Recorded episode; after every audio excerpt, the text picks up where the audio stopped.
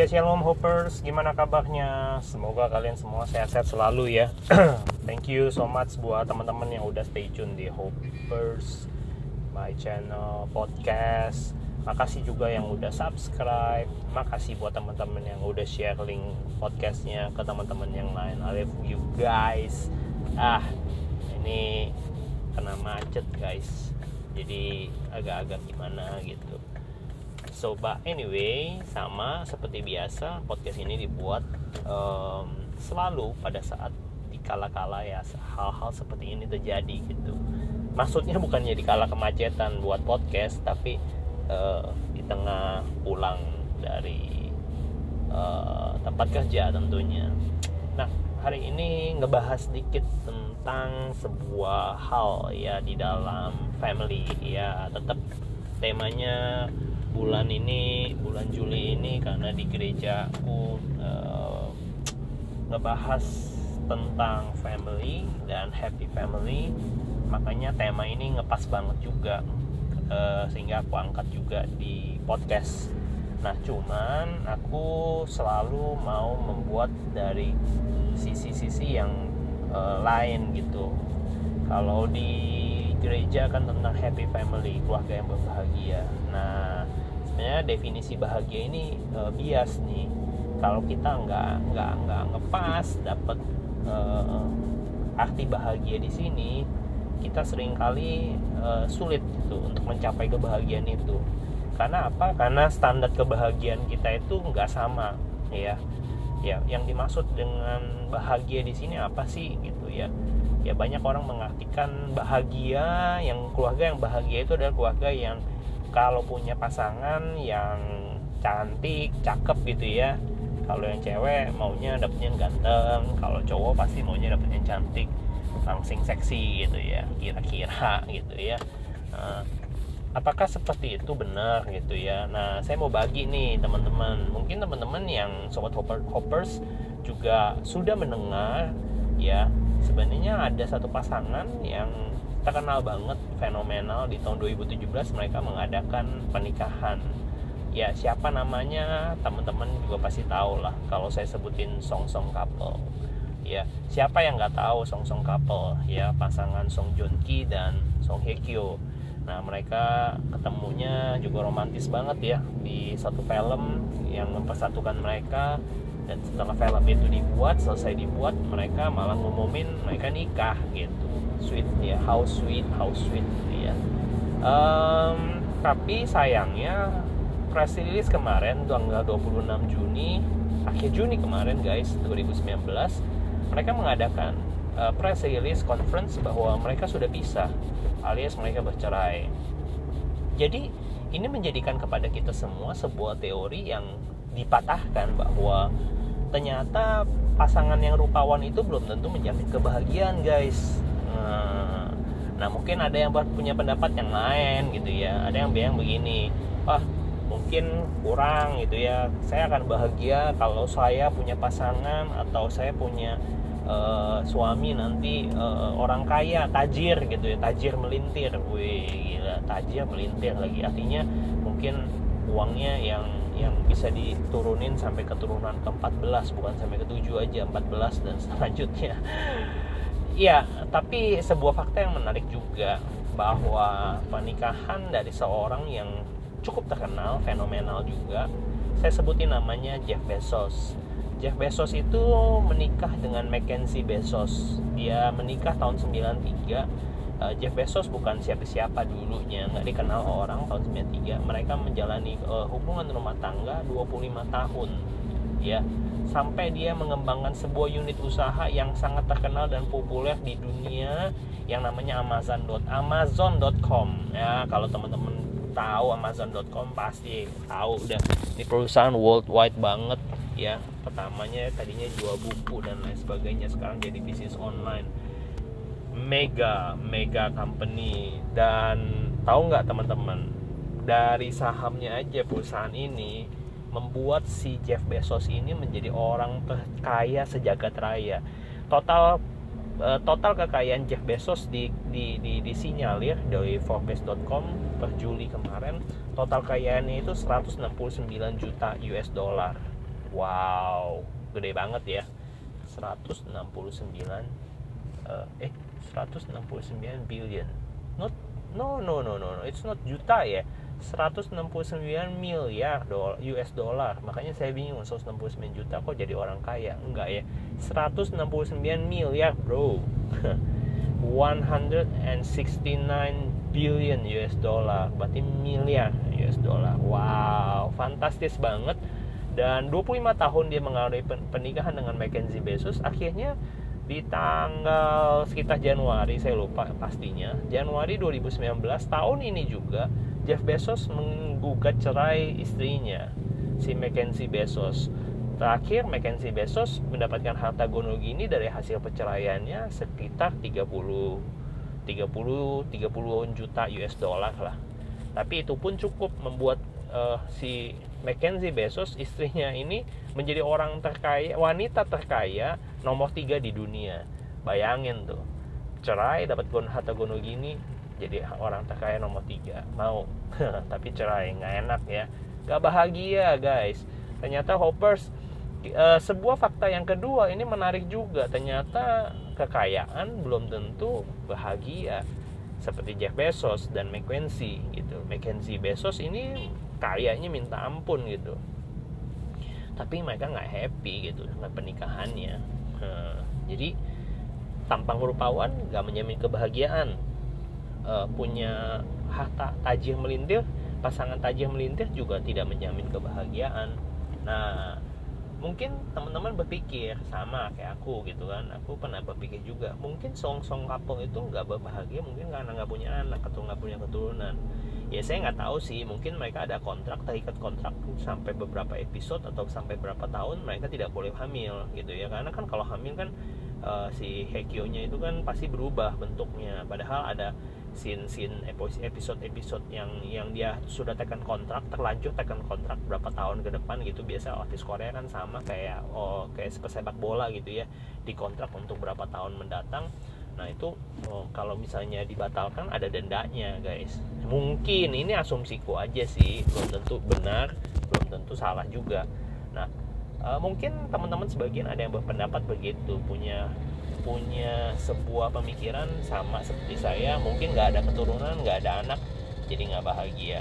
Nah sebuah fakta juga yang menarik nih guys. Ada seorang pasangan pasangan uh, suami istri yang punya anak ya yang namanya kalian tahu lah 2G terkenal banget di Indonesia di sini. Ya bener ya yang laki-laki namanya Gading Marten dan yang perempuan namanya Gisel Gisel ini uh, jebolan alumnus dari Indonesian Idol ya. Uh, juara keberapa? Empat kalau nggak salah. Tapi aku lupa lupa ingat. Juara keempat atau juara kedua ya? Forgot sorry. Kalau misalnya salah sorry. Tapi dia kayaknya Indonesian Idol deh Nah, anyway, saya mau bahas sedikit tentang mereka. Mereka berdua menikah tahun 2013, tapi terkejutnya juga nggak kalah terkejutnya. April kemarin mereka menggugat cerai. Satu dengan yang lain mereka minta pisah, ya. Padahal mereka sudah punya anak, ya. Kalian tahu namanya Gempi, Gempita apa gitu ya. Anaknya lucu banget, ya, cewek, lucu, cabi gitu ya. Dan memang banyak banget yang menggandrungi dan banyak banget orang-orang uh, di seantero nasional Indonesia itu memuji bahwa pasangan ini pasangan yang luar biasa. Punya punya istri cantik punya uh, laki ganteng punya karir dan punya anak. Kurang apa lagi sih? Ternyata itu tidak menjamin kebahagiaan. Ternyata mereka justru malah menggugat cerai satu dengan yang lain. Dan akhirnya kalau yang teman-teman tahu April kemarin tahun ini juga mereka menggugat cerai ya putuskan si Gisel akhirnya menggugat cerai kalau nggak salah ya gitu ya. Katanya sih kesepakatan tapi I don't know. Tapi pokoknya keputusannya adalah mereka berpisah. Nah kisah perceraian itu di tahun 2019 tiga pasangan yang tadi saya ceritakan itu adalah orang-orang yang lumayan. Menurut versi dunia harusnya pernikahan mereka berakhir dengan kebahagiaan. Tetapi kenapa tidak? Kenapa nggak semestinya? Gitu ya Nah, ini yang saya mau luruskan, bahagia itu tidak ditentukan dari tampang atau rupa daripada pasangan kita. Eh, kebahagiaanmu juga tidak ditentukan dari berapa banyak uang yang dihasilkan daripada pasanganmu, ya. mau dia tajih melintir ataupun dia tajihnya sampai ngulet-ngulet atau gimana itu nggak pengaruh dengan kebahagiaan. Nggak mempengaruhi. Lebih nyaman iya. Ya lebih enak iya. Pasti ada uang lebih enak dan lebih nyaman. Bisa pergi ke luar negeri bisa ke sana sini pasti lebih nyaman tapi tidak menjamin kebahagiaan ya. Jangan dibalik ya. Apakah oh kalau nggak punya harta apakah nggak bisa uh, apa bisa bahagia? Memang sih menurut saya uang itu menjadi sebuah fasilitas untuk memberikan kenyamanan tambahan value added tapi tidak menjadi faktor satu-satunya. Nah yang ketiga punya anak atau keturunan itu juga membuat uh, mata saya terbuka bahwa punya anak atau keturunan itu tidak menjamin sebuah kebahagiaan. Banyak orang bilang katanya oh saya nikah kalau nggak punya anak maka saya nggak akan bahagia. Banyak sekali pasangan-pasangan di luar sana yang mengharuskan punya anak itu punya dogma itu uh, anak itu adalah segala-galanya pusat ataupun salah satu kebahagiaan di mana pasangan suami istri menikah. Kalau nggak punya anak nah, akhirnya ada suami-suami yang uh, poligami ada yang cerai istrinya. Sangat-sangat menyakitkan ya sebenarnya gitu nah ini yang menjadi sebuah concern uh, kepada saya. Akhirnya saya buat podcast ini gitu ya saya ceritain juga ke sobat, sobat hoppers gitu. Nah berarti definisinya kita sudah tahu bahwa kebahagiaan tidak ditentukan dari tiga hal yang tadi saya sebutin. Jadi kebahagiaan itu ditentukan dari apa dong? Nah kebahagiaan menurut saya ditentukan dari terpenuhnya terpenuhinya uh, kebutuhan jasmani dan rohani. Bukan hanya sekedar jasmani tetapi mereka juga butuh rohani. Rohani itu apa? Rohani itu ada yang namanya sukacita. Ada yang damai sejahtera ya. Kalau kita namanya punya uang punya uh, tampang rupawan punya anak tapi kalau misalnya konflik terus cekcok terus ya hidup nggak rukun nggak nggak damai tidak ada kenyamanan tidak ada ketenangan di tengah-tengah rumah gimana orang itu mau langgeng gimana orang itu mau bahagia. Setuju nggak teman-teman ya saya pikir sobat hoppers juga bisa mengerti maksud rohani ini. Rohani ini bukan bicara tentang harus superstitious mengenai masalah agama tertentu. Walaupun saya Nasrani saya berbagi kepada teman-teman bahwa gak ada namanya suami ataupun istri ataupun anak yang happy di dalam sebuah rumah tangga atau di dalam sebuah keluarga yang isinya pertengkaran dan percekcokan saya percaya punya uang setajir melintir apa pun pasanganmu, sehebat apa pun jabatannya, seganteng atau secantik apa pun pasangannya, kalau tidak ada damai di dalam rumah tangga itu, saya percaya rumah tangga itu tidak akan pernah bahagia. Maka saya mau menyimpulkan bahwa bahagia dalam arti e, dalam sebuah rumah tangga tercapai kalau yang pertama mereka tercapai juga terpenuhi mereka yang namanya uh, kebutuhan jasmani mereka. Kebutuhan jasmani itu apa sih? Makan ya ya pangan sandang papan gitu. Itu itu itu itu terpenuhi gitu. Ya nggak punya rumah ya pasti juga kurang kurang bukannya tidak bahagia kurang bahagia. Makanya kalau mereka terpenuhi semua saya yakin dan percaya kebahagiaan itu bisa diupayakan dan bisa diraih gitu. Jadi terpenuhinya namanya sandang pang, pangan sandang papan ya yang kebutuhan primer lah itu itu itu itu itu yang kalau saya bilang primer sekunder tersier gitu ya. Uh, tapi tersier itu tersier itu artinya uh, punya mobil mewah dan sebagainya itu tambahan lah. Menurut saya itu juga nggak banyak uh, orang-orang teman-teman saya yang saya lihat bahwa mereka hidup sederhana sekali even though mereka menggunakan uh, motorcycle ataupun bike ya mereka bisa happy gitu. Jadi itu guys.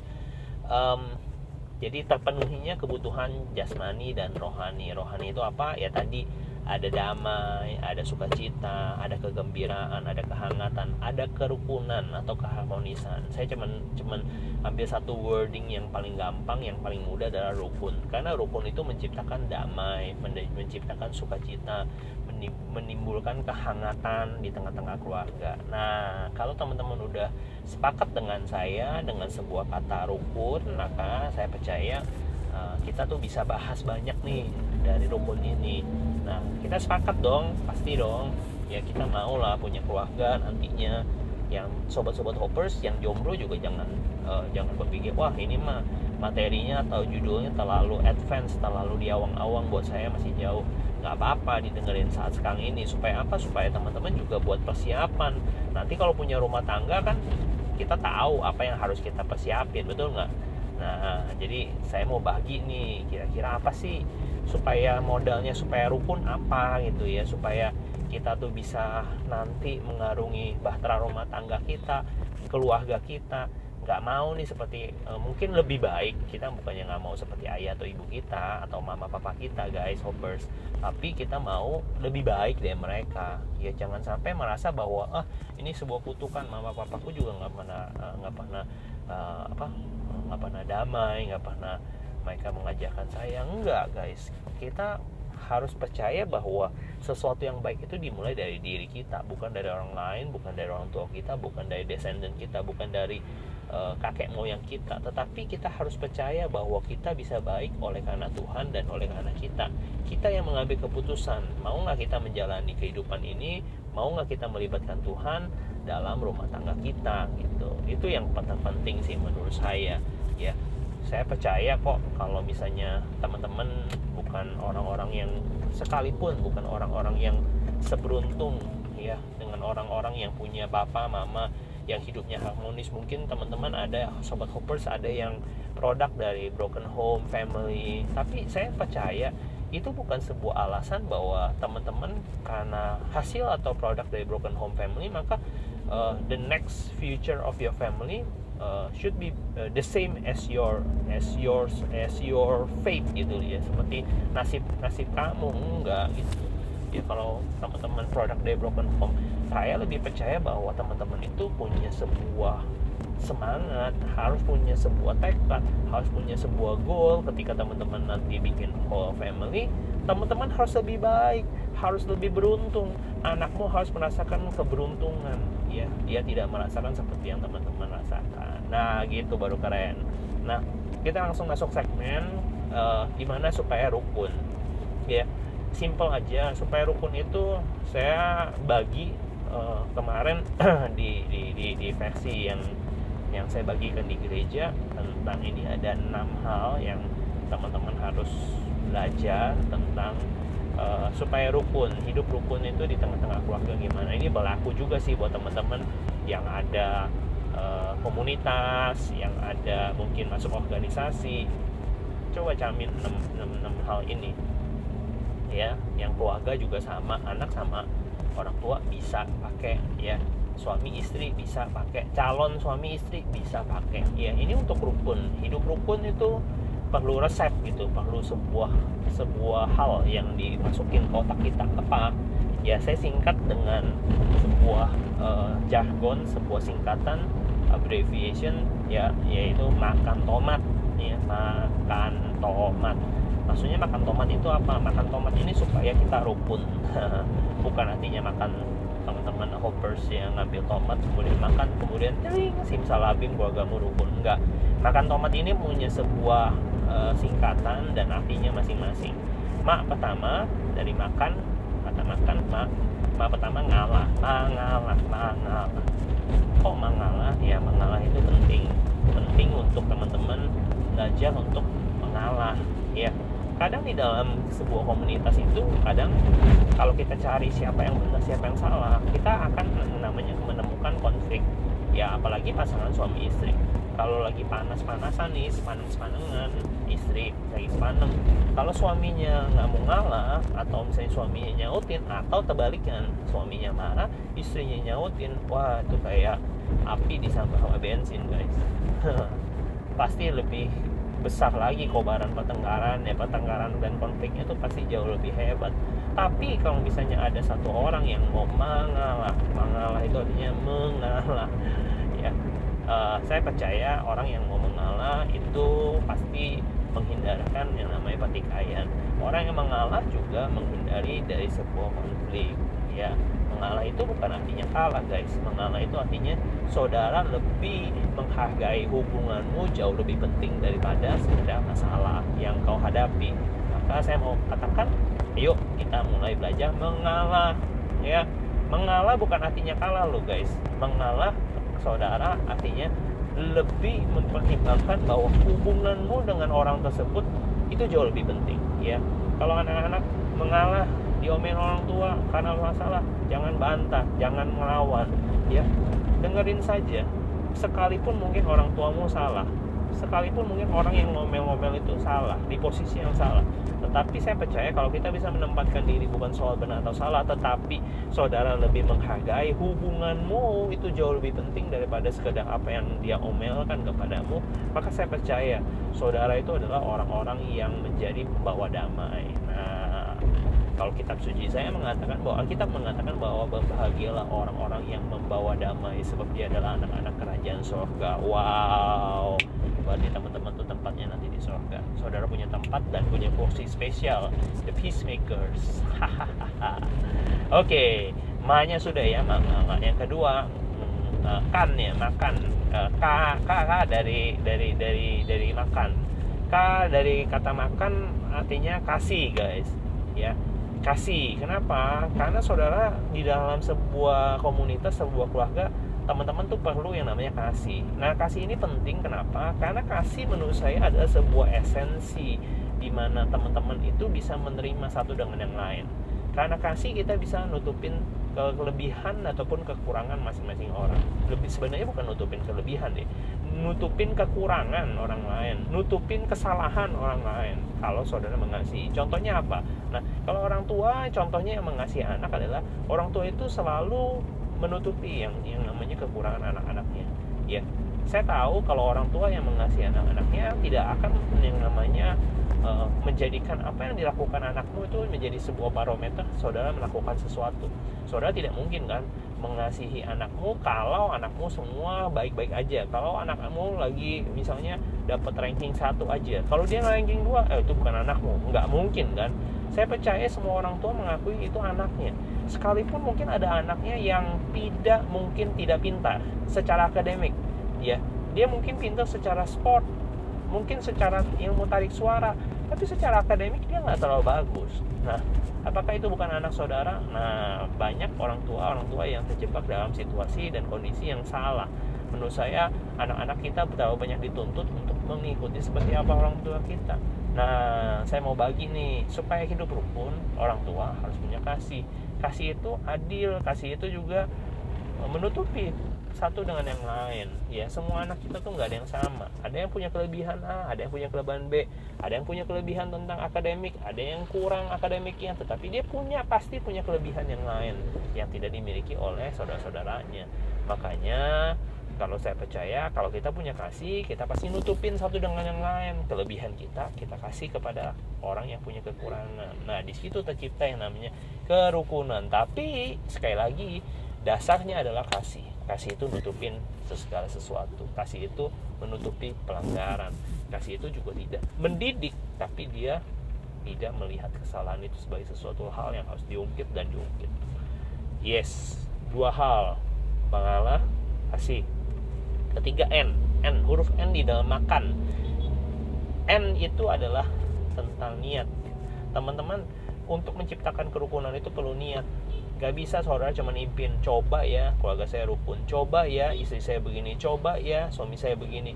Coba ya anak-anak saya begini. Coba ya orang tua saya begini. Coba ya menantu saya begini. Coba ya mertua saya begini. Eh itu gak bakal terjadi apa-apa.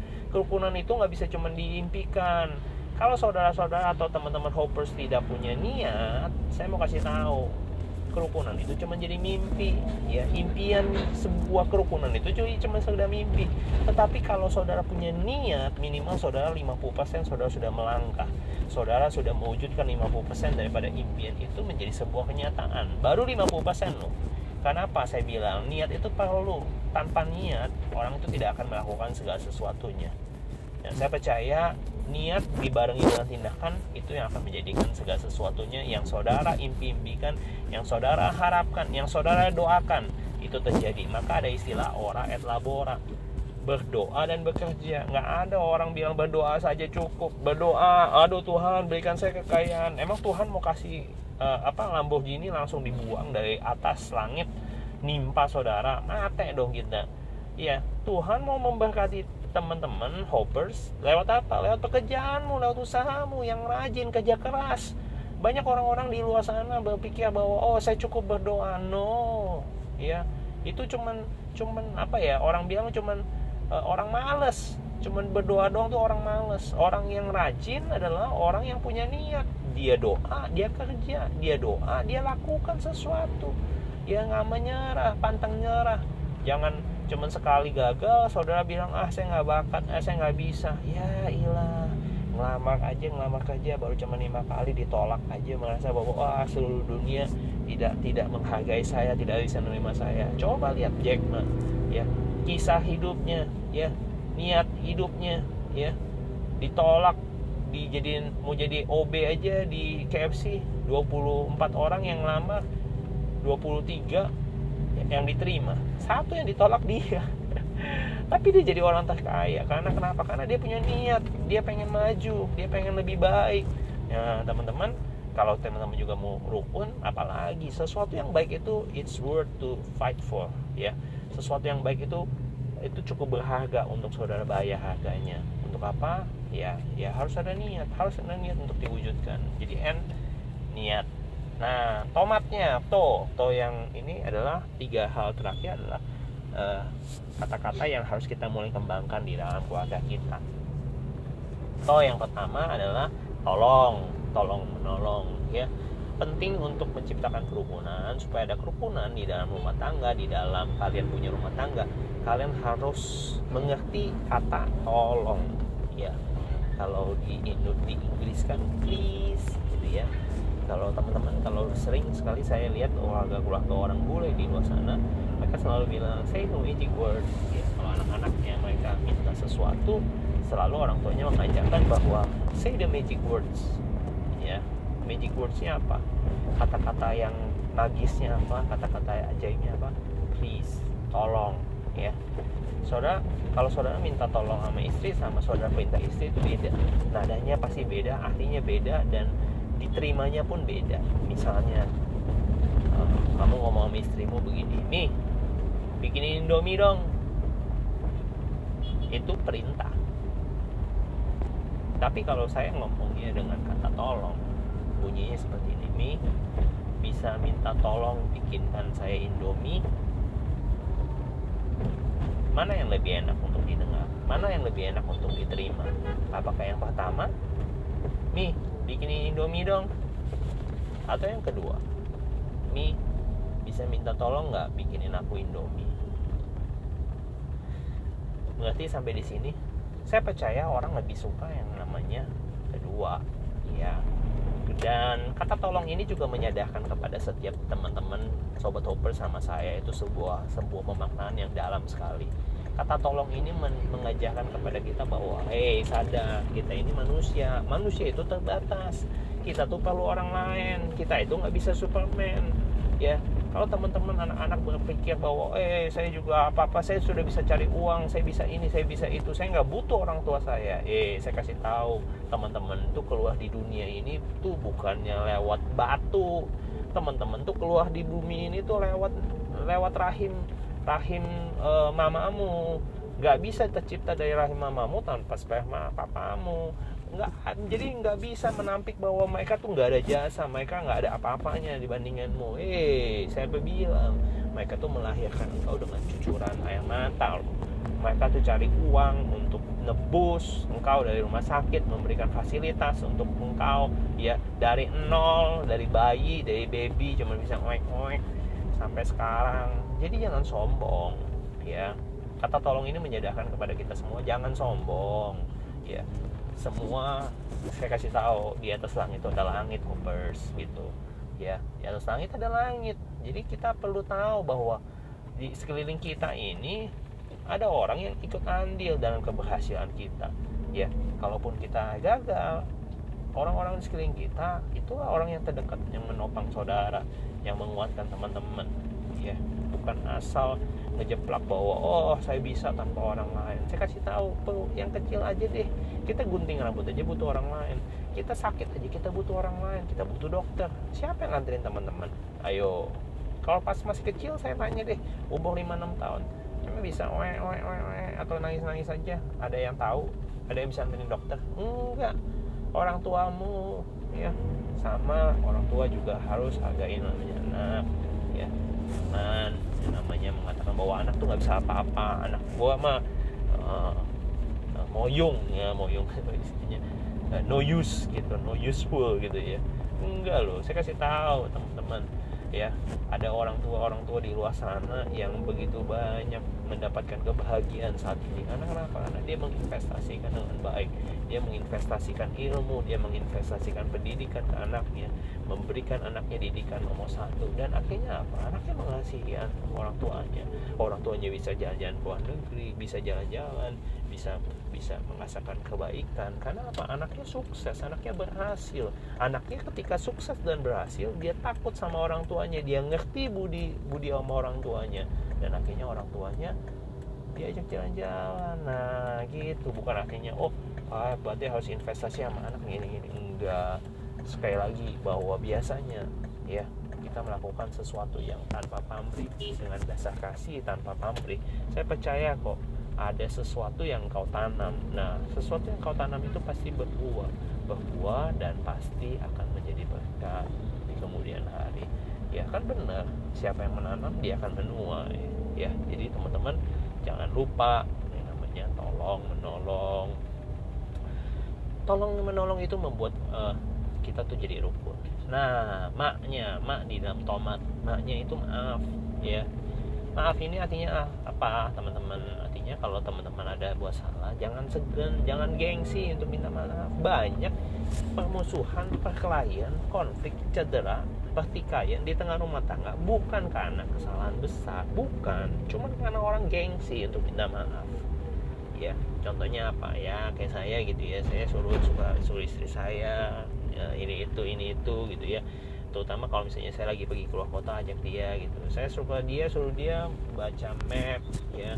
Saya tanya sama dia ke kiri atau ke kanan. Nah ya kadang-kadang kan kalau namanya di jalan kan sinyalnya itu kan kadang-kadang on off. Kadang ada sinyal ada enggak gitu di luar kota apalagi gitu ya. Nah kalau misalnya kita salah jalan ngambil jalan yang salah jangan nyalain istri saya jangan nyalain istri. Jangan seperti saya saya suka nyalain istri saya. Oh kamu gimana sih ya istri saya bilang ya itu kan kita nggak tahu. Kamu yang ngambil keputusan. Kenapa kamu ngomelin saya? Saya juga nggak tahu jalan. Kita kan ngandelin aplikasi. Ya kalau kamu mau ngomel ngomelin aplikasi dong. Kenapa kamu ngomelin aku? Nah di situ titiknya bahwa kita saya tuh benar-benar menyadari bahwa oh iya saya perlu minta maaf sama istri saya. Saya banyak sekali melakukan kesalahan. Nah teman-teman hoppers kita mau kasih tahu sama teman-teman bahwa membuat kesalahan itu biasa sebuah hal yang lumrah. Saudara manusia, tapi kalau saudara tidak belajar daripada kesalahanmu, saudara hanya cuma minta maaf lalu mengulangi kesalahan itu, saya pikir saudara bodoh, lebih bodoh daripada keledai. Keledai aja nggak pernah jatuh di lubang yang sama. Maka saya mau mengatakan bahwa jangan mengulangi kesalahan. Kalau kamu salah, berbesar hatilah, segera minta maaf. Selesai gitu. Banyak orang banyak ketikaian keluarga nggak harmonis keluarga nggak rukun. Kenapa? Karena nggak ada kata maaf nggak ada yang minta maaf nggak ada yang mau ngalah itu udah nggak mau ngalah nggak mau minta maaf lagi. Ya cilaka butut lah. Ya saya selesaikan dengan yang terakhir T. Tomat T. T yang terakhir ini adalah kata yang bagus banget. Thank you. Terima kasih. Terima kasih atau kata-kata thank you ini menjadi kata-kata yang sangat-sangat populer di saat kita masih kecil pun sebenarnya kita sudah diajarkan. Ketika kita menerima sesuatu dari orang lain orang tua kita selalu mengingatkan eh ngomong apa sama si om ngomong apa sama si tante ngomong apa sama uncle ngomong apa sama auntie? Don't forget to say thank thank you. Gitu ya artinya apa? Kita sebenarnya sejak kecil kita sudah dididik sudah dilatih sudah dibiasakan sejak dini. Ketika kita menerima sebuah kebaikan sekecil apa pun kita harus say thank you. Nah masalahnya kadang-kadang kita kalau udah gede kita udah gede segede gini nih segede sobat hoppers kadang kita lupa untuk say thank you. Kenapa? Makin lama makin gede kok makin lupa. Padahal kecilnya udah dibiasain. Karena saya saya pikir begini teman-teman hoppers kita banyak melupakan budi atau sebuah se, sebuah pe, pe, apa sebuah pekerjaan baik dari uh, orang atau anggota keluarga kita karena kita berpikir itu sebuah sebuah kewajiban. Sudah sepantasnya saya menerima segala sesuatunya. Mama saya masakin istri saya masakin buat saya itu sudah sewajarnya. Memang pekerjaan mama atau pekerjaan istri seperti itu. Kita berpikir seperti itu. Padahal tahukah saudara dia berjeri lelah loh ya saudara mah makan cuma 5-10 menit gampang. Dia masaknya berapa lama? Nah, teman-teman ada yang pernah nanya nggak? Ada yang pernah nggak nanya sama mamanya? Mah untuk masak meals yang saya yang saya makan berapa lama? Eh dia ke pasar mungkin satu jam dua jam. Ya jangan berpikir bahwa ah si mama mah gosip apa segala macam. Eh teman-teman coba hoppers. Coba temenin mamamu. Eh jadi orang ibu. Itu gampang loh. Bukannya aku belain mama kalian ya mau makan apa aja tuh udah mesti dipikirin. Ada yang suka ini ada yang suka itu. Dikombain gimana supaya nggak bosan gimana. Menu pagi menu siang menu malam. Pusing loh. Ya jadi bersyukur mestinya. Dan jangan lupa say appreciate her gitu ya. Say thank you to your wife say thank you to your mom. Ya sebuah hal kecil kok. Nggak nggak sulit untuk ngomong say thank you. Ya kita menjadi sulit untuk say thank you karena kenapa? Karena kita menganggap itu sebagai sebuah kewajiban untuk dia kerjakan. Kita tidak lagi memberikan apresiasi kepada anggota keluarga kita. Padahal a thank you, words of thank you itu tuh sebenarnya punya makna yang mendalam. Saya memberikan apresiasi. Terima kasih teman-teman, terima kasih Bapak, terima kasih Mama, terima kasih my wife, terima kasih my husband for doing such a great things for my life gitu ya. Saya percaya bahwa orang-orang di sekeliling kita itu punya andil yang besar banget terhadap kita sampai saat sekarang ini. Teman-teman bisa sukses itu kan andil beberapa orang di sekelilingmu. Jangan berpikir bahwa oh, kaum sukses itu bisa jatuh di langit. Enggak. Memang ada hasil kerja kerasmu. Tetapi jangan lupa di dalam hasil kerja kerasmu ada andil beberapa orang yang ada investasinya dalam hidupmu ya. Jangan bilang papa mamamu tidak ada andilnya no. Kamu keluar dari batu. Memang kamu saudaranya Sun Gokong keluar dari batu bro gitu ya. Enggak kan. Kita pasti ada papa mama. Kalau teman-teman bilang ah aku sudah dibuang bapak mama aku. Ya oke. Okay. tapi ada minimal ada orang yang melawan engkau dari kecil. Nggak mungkin kau dari kecil totonya udah besar totonya udah punya kumis bisa bisa negotiating bisa trading and do things like this gitu ya. Jangan lupa sama orang-orang yang membesarkan engkau. Jangan pernah lupa guru-guru engkau yang punya jasa ya. Dari SD SMP SMA sampai engkau kuliah. Ada andil-andilnya ya. Justru kadang-kadang kita tuh suka lupa dan melupakan cenderung melupakan kebaikan orang lain ya. Itulah manusia. Kebaikan-kebaikan kecil yang rutin kita terima kita menganggap itu sebuah kebiasaan sudah sewajarnya, sudah sepantasnya, maka saudara lupa untuk say thank you. Maka saya ingetin hari ini, teman-teman, sobat hoppers, bukan sebuah kebetulan teman-teman dengerin podcast saya. Saya ngingetin teman-teman, ayo jangan lupa, jangan jadi kacang lupa sama kulit, ya. Mana ada kacang bisa keluar kacang kalau nggak dibungkus kulit. Eh, sudah dimakan codot. codot itu apa? Kelelawar maksud saya sebenarnya nggak bisa lah. Jadi kacang yang enak kacang yang gurih. Eh kacang juga digoreng tuh yang yang yang ngenahan gorengnya siapa? Kulit lah. Kamu enak-enakan di dalam. Kamu jadi matang jadi enak menik dinikmati oleh orang. Yang dapat pujian apa? Kamu. Kulitnya mbak dibuang. Nah jangan jadi kacang lupa sama kulit. Kulitnya dibuang. Waduh. Cilaka deh. Ya itu aja. Saya pikir makan tomat mengalah kasih niat tolong maaf dan terima kasih. Kalau kita bisa mengembangkan enam hal yang tadi saya percaya kok kerukunan itu menjadi bagian dalam keluargamu dan keluargaku. Menjadi bagian di dalam komunitasmu dan komunitasku. Ya apa pun yang teman-teman rasakan hari-hari ini pergumulan apa pun ada masalah apa pun ayo kita bawa sama-sama Tuhan. Ayo kita berdoa sama Tuhan. Tuhan saya minta campur tangan Tuhan. Berikan saya hikmat. Berikan saya ketenangan hati supaya saya bisa melakukan segala sesuatunya bersama dengan Tuhan. Saya percaya Tuhan pasti buka jalan untuk keluarga saya dan untuk masa depan saya. Saya mau berhasil saya mau sukses saya mau mengembangkan keluarga saya juga berhasil dan sukses. Keluarga saya menjadi keluarga yang bahagia.